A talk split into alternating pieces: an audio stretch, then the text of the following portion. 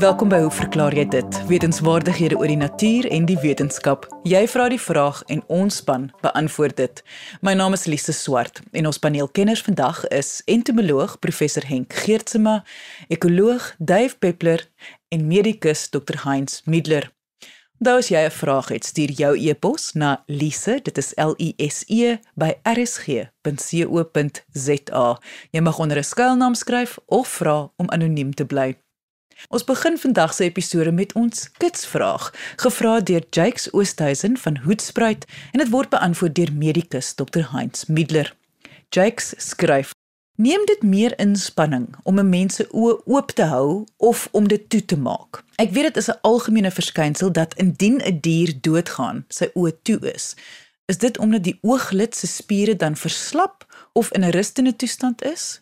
Dr Middler Ja, dit is interessant as mens doodgaan, of jy oop oë of gaan jy dood met toe oë.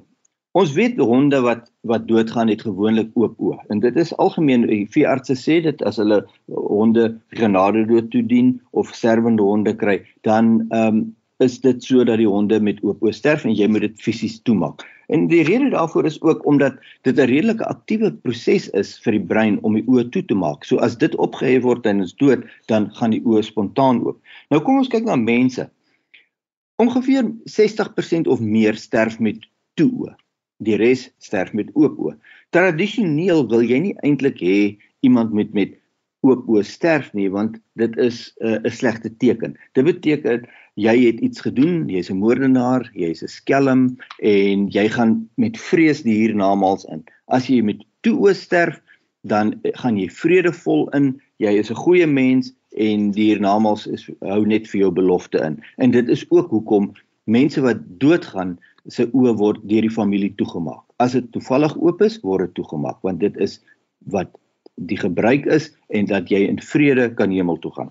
Nou dit is hoekom die persentasie van mense wat jy sien met toe oë wat dood is is hoog en feitelik 100% maar dit is meestal omdat dit fisies toegemaak is deur mense.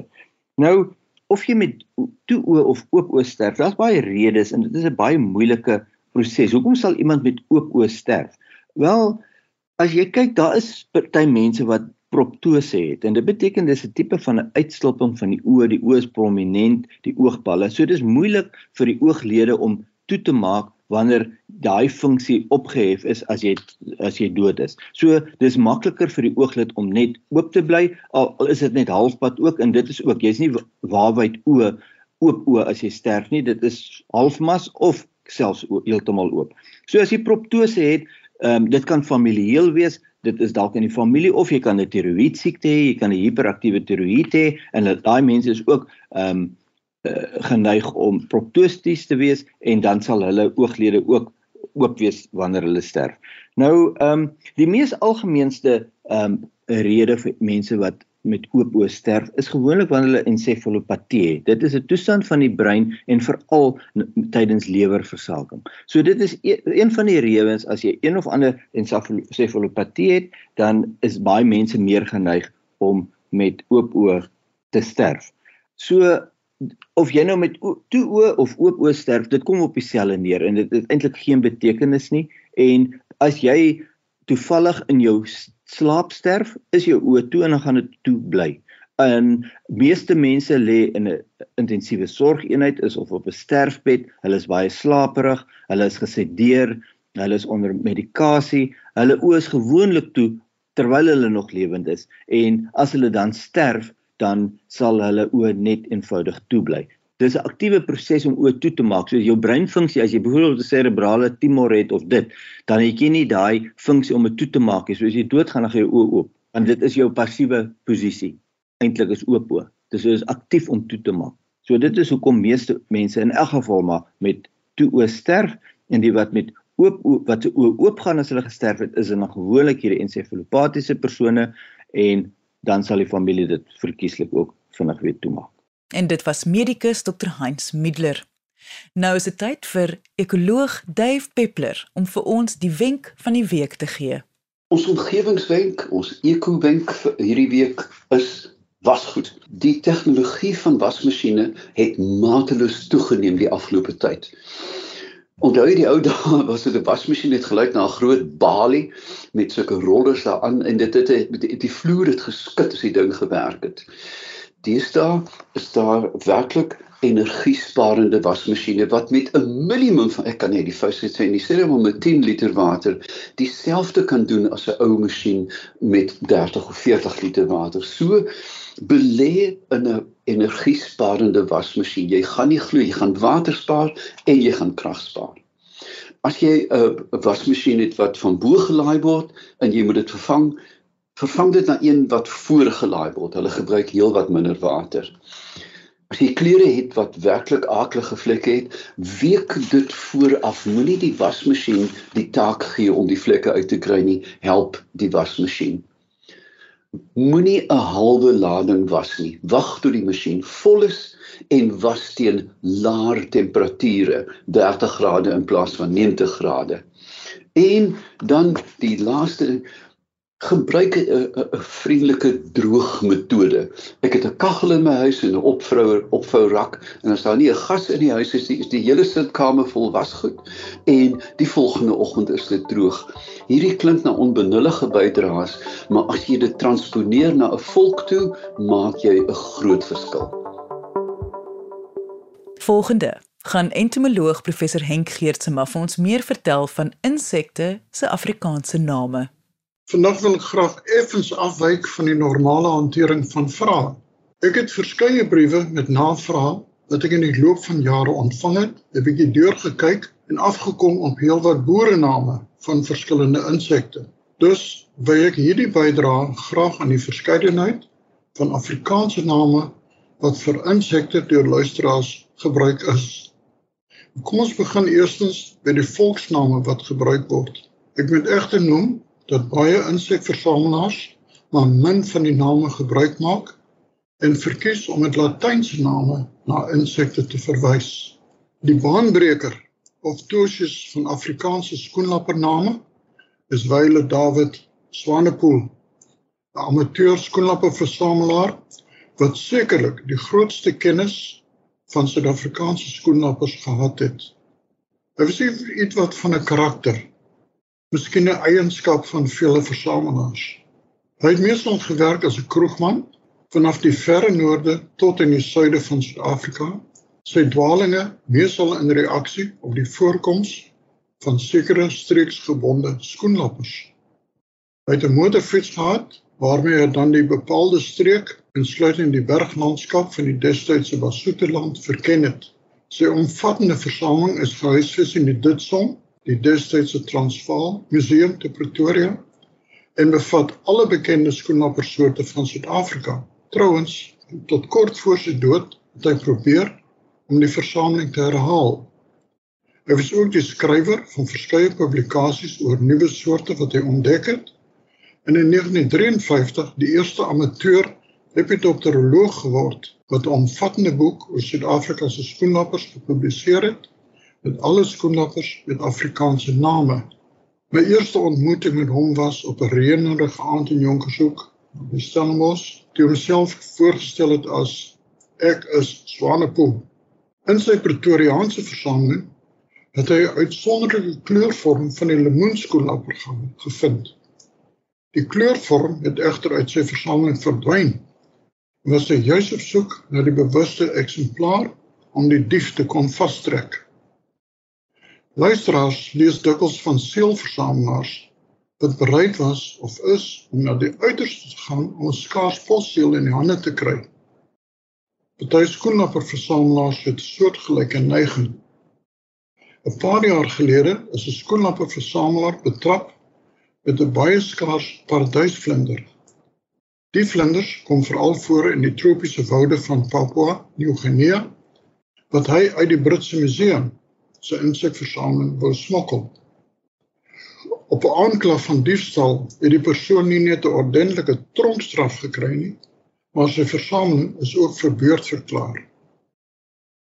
Terug na skoenlappername. Soms word skoenlappername na persone vernoem, byvoorbeeld Swanepoel se bloukie, maar ook Sadie se bloukie en Bouker se bloukie. Juffrou Sadie was 'n Swellendamse versamelaar wat bekendheid verwerf het oor haar versameling en kennis van die streek Swellendam se is daar Bouker se bloutjie, vernoem na kolonel James Henry Bouker, 'n pionier wat saam met Ronald Tryman, kurator van die Suid-Afrikaanse Museum in Kaapstad, in 1887 die eerste reeks van 3 dele oor die skoenlappers van Suid-Afrika gepubliseer het. Soms word skoenlappers op die kleur of voorkoms van die vlerke benaam. Blaarvlerke, kopervlerkies, dubbelsterte, swaalsterte, bruintjies, perelmoenskoenlapper of oranje, vers of rooi puntjies. Ander weer word vernoem na bepaalde gewoontes. Klipsitters, koppiebloutjie, dartelaartjie, swerwertjie en selfs polisman of landstreke. Die Drakensberg bloutjie, Marips dubbelster, Maripskop daar in uh, Mpumalanga, die Karoo koppervlerkie of die Laagveldwetjie of wortel na plante waarop hulle meestal voed of voorkom, soos byvoorbeeld die doringboombloutjie, die lucernskoenlapper, die citrus of lemoenskoenlapper, die melkbosskoenlapper en of suikerbos dubbelstert. Vir my is van die mooiste Afrikaanse volksname vir vlinders die bergnoontjie, die bondrokkie en die sondagsrokkie. Nou die sondagsrokkies, die sondagsrokkie staan meer bekend as die in Engels die painted lady. Soos te verwagte, word meeste insekte in verband gebring met name wat die bepaalde insek koppel aan 'n gasheerplant of gewas. Ek het reeds verwys na die moonskoenlapper, maar daar's ook 'n lelieboorder, rusper, die marula vrugtevlieg, die pynappelwitluis, die patatmot, die sitrusblaarroller of sitrusblaaspootjie. Van waar die naam blaaspootjie? Die insekte is klein tot so 5 mm in lengte, maar hulle voorpote is vergroot in die vorm van 'n blaasie om beter op die plantoppervlaktes te kan klou. Vrugtesuigmotte is al onbekend. Maar het luisteraars geweet dat van hulle soortgenote nie van of op plant sou lewe nie, maar wel op die traankleure se afskeiding en soms selfs van bloed van beeste en mense in die verre ooste. Ander meer spesifieke insekte is die tomatierisper, die druiwe pylstert, 'n mot, graspergrusper wat ons omtrent almal ken, katoenvlekbesie of die appelbloedluis. Die katoenvlekbesie is 'n stingbesie of wans, ander Afrikaanse naam, wat vormende katoenbolle beskadig deur die suig van plantsappe sodat die katoenbol besmet word met swamorganismes wat die katoen binne in die bol verkleur op vlek en die katoen ongeskik maak vir verdere gebruik. Die appelbloedluis is een van baie soorte insluitende verwantskap met cochineal. Hulle gemeenskaplike eienskap is dat wanneer hulle plat gedruk word, hulle almal 'n rooi vloeistof afgee. Ander insekte word met diere in verband gebring. Ons ken almal die kat of hondevlooi Maar van die mooiste name is byvoorbeeld die skaap, luis, vlieg of hondenluis vlieg. Dis nie 'n skaap nie, ook nie 'n luis nie, maar in beide gevalle is dit lede van die bloedsuigende vliee Hippoposkidae. En die luisteraar sal weet dat hippo verwys na perde en pos verwys na beeste in Latyn. So die Hippoposkidae Dan is daar die bobbejaankewers wat niks met bobbejane te doen het nie, maar wat in groot getalle op madeliefiese blomme voorkom. Die kewertjies het baie lang en sterk agterpote om mededingers uit die blomkern te skop of te verjaag. Ons is tans besig om te luister na entomoloog professor Henk Geertsema wat ons meer vertel van Afrikaanse benamings wat deur die jare aan insekte gegee is. Onthou indien jy 'n vraag het vir ons paneel, kan jy dit stuur na lise@rsg.co.za. Soms is insekname verbind met een of ander geografiese streek. Die Argentynse muur, oorblyfsel van die Anglo-Boere oorlog deurdat perdevoer vanaf die Britte vanaf Argentinië na Suid-Afrika ingevoer is. Ons ken die Italiaanse kewer, beter bekend as die Europese huisboder of boktor. En die interessante waarneming dat die kewer glad nie in Italië voorkom nie.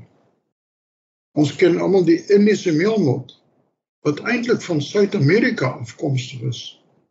Die alombekende Karoo CRISPR In 'n klassieke voorbeeld van 'n verwarrende volksnaam gebaseer op geografie. Vir vele jare is na die uilmot Heliotis armigra, ook bekend as die tomatierusper, verwys as syne die Amerikaanse bolwurm. Maar eintlik is die mot 'n Afrikaanse mot en staan nou bekend as die Afrikaanse bolwurm. Vanwaar die verwarring Die eerste landbou-insektekundiges in Suid-Afrika wat in die laat 1880s aangestel is, was Amerikaners. In die VSA en Kanada is die groep motte baie bekend as landbouplaag. En toe die eerste voorkoms van die insekte in Suid-Afrika voorgekom het, is dit as synde die Amerikaanse bolwurm beskryf. Dan is daar die bekende Amerikaanse en Duitse kakkerlak Die verwarring hier is dat die Amerikaanse kakkelak vir die eerste keer aan Amerika opgemerk is as 'n plaag en beskryf as die Amerikaanse kakkelak Periplaneta americana. Soortgelyk is die Duitse kakkelak beskryf as Blatella germanica. Van daardie assosiasie. Van daardie feit is egter dat die kakkelak se oorsprong in Afro-Asië is, ver van Amerika of Duitsland. Ook hier verwys insektes volksname na kleur.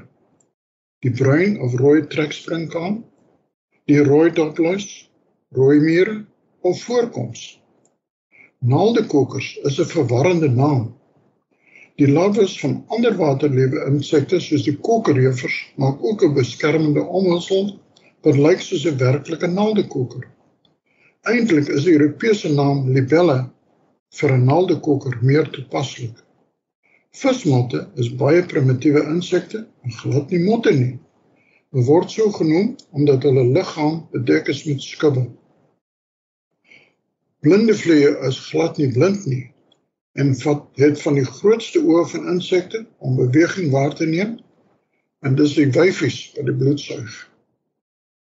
Vuurvliegies is kewertjies wat die vermoë het om koue lug te kan maak.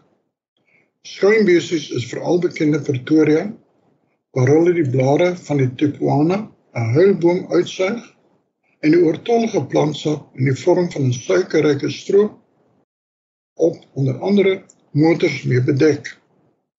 Snywurms word so genoem vir hulle nagtelike voedingsgewoonte om veral jong plantjies se stammetjies op die grondoppervlakte dood te sny of te kil om makliker by die blare van die plant te kom. Dikwels word hulle verwar met misworms wat ook skadelik kan wees vir plantwortels se beskadiging, maar wat in voorkoms en gewoontes heelwat verskil van snywurms wat rusvers van sekere motte is en misworms wat tot die kewers behoort. Meer is algemeen. Wie ken nie die naam malmuur, soms suurgat genoem, of die wipgatmuur En wat van die naam waterskerpioene? Waterskerpioene is glad nie verwant aan skerpioene nie. Hulle is ook wanse wat in water voorkom en die lang stert of angel in die volksnaam is eintlik 'n asemhalingsbuis. Waterskerpioene hang as dit ware net onder die wateroppervlak en vang met hulle voorpote enige klein visie of ander insek wat verbyswem verby. My advies aan luisteraars is nooit 'n waterskerpioen met kaal hande aan te pak nie, want hierdie ding het 'n vreeslike skerp uh stel van monddele en dit byt nogal seer. Interessante insekte is die springboontjies. Die rusverkies van sekere motte ontwikkel binne die pule van onder andere tamboti. Teen die tyd wat die rusverkie volgroeid is, val die pul of ertjie grond toe met die ruspertjie binne-in. Soos die son die ertjie verhit, raak dit te warm vir die insek en die rukbewegings van die rusper word die ertjie sodanig verplaas of vers, verspring totdat dit in 'n skaduryke area beland waar die rusvertjie dan kan verpop sonder om oorvul te raak. Sandvloeie. Die kan verwys na 'n krewelagtige geleedporige, veral in klam omgewings, maar ook na tunga penetrans. Die Latynse naam sê vir ons penetrans, indringer. 'n Lastige sandvloei wat byvoorbeeld op die warm strande kan voorkom met die nare gewoonte om tot onder die voetnaels in te boor en bloed te suig. Vloeie kan ook voorkom in stowwerige toestande, veral in lêplekke van soogdiere en word dan ook daarna verwys as sandvloeie. Ter afsluiting Weer eens 'n paar pragtvoorbeelde van Afrikaanse name vir sekere insekte Wie ken nie die blaas op sprinkane? Pneumoridae nie. Pneumo is die Grieks vir lug. Hulle is tog beter bekend as die hekka eenderm vanweë sy voorkoms. Die agterlyf is eintlik 'n deurskynende lugsak met die dermkanaal duidelik afgeteken as eenderm wat ons verder bring by die naam hikihi wat in Namakoland gebruik word en wat alkom alkus langs die insek se voorkomsgebied verander tot Hikies of in George omgewing tot Hikies. Die volume van geluid van die springkantjie is verbasend. En klink baie soos die van 'n groterige nagaktiewe voël. Dan ken ons natuurlik koringkriek. Die koringkriek het niks te doen met koring nie, maar omdat hulle in sulke groot getalle voorkom, word die wyfie dikwels plat getrap. En as mens die koringkriek se wyfie plat trap, dan bars haar maagie oop, abdomen, en dan kom die eiers wat sy beplan om te lê uit. Nou die eiers lyk amper soos graankorrels. Vandaar die naam koringkriek. Die mooiste Afrikaanse name vir my is byvoorbeeld die strooidakkie. 'n Beskermende omhulsel gemaak van blare wat soos die dakbedekking van pagodas deur die wattelsakworm se rusper gespin word. En wat van halfmaandjies, wat na skilpadkewertjies of leweneerbeesies verwys. En wat van die toktokkie? Maar vir my is die treffendste naam die skimmeljang. Die kewer van dieselfde familie as die toktokkie kom in die droë landstreke soos die Karoo voor. Die kewer draap sy rug, oorblyfsels van sy voedsel die deeltjies van 'n lyk so skimmel van daardie naam.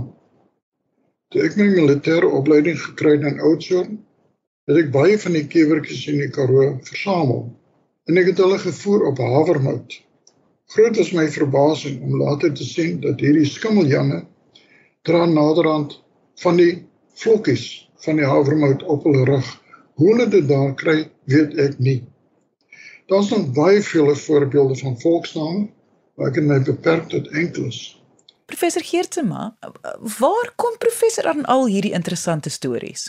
Die departement van landbou het destyds in 1953 en 1956 twee boeke uitgegee. Die een is dan 'n skoenlapperlys wat die name in Afrikaans en Engels en partykeer in die van die in ander inheemse tale gegee het.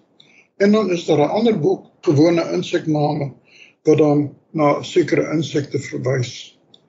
Die boek is ongelukkig nie meer beskikbaar nie en wat ek nooit geweet het nie, is dat die dan departement van landbou tegniese dienste destyds het 'n sogenaamde taalkommissie gehad wat dan verantwoordelik was vir die publisering van hierdie twee boeke. Baie dankie luisteraars vir u geduld om na my te luister. En dit was entomoloog professor Henk Geertsema. Ek sê baie dankie aan ons kenners en vraagstellers vandag. Onthou om altyd nuuskierig te bly en vrae te vra. Tot volgende week net hier op RSG saam met my Lise Swart. Totsiens.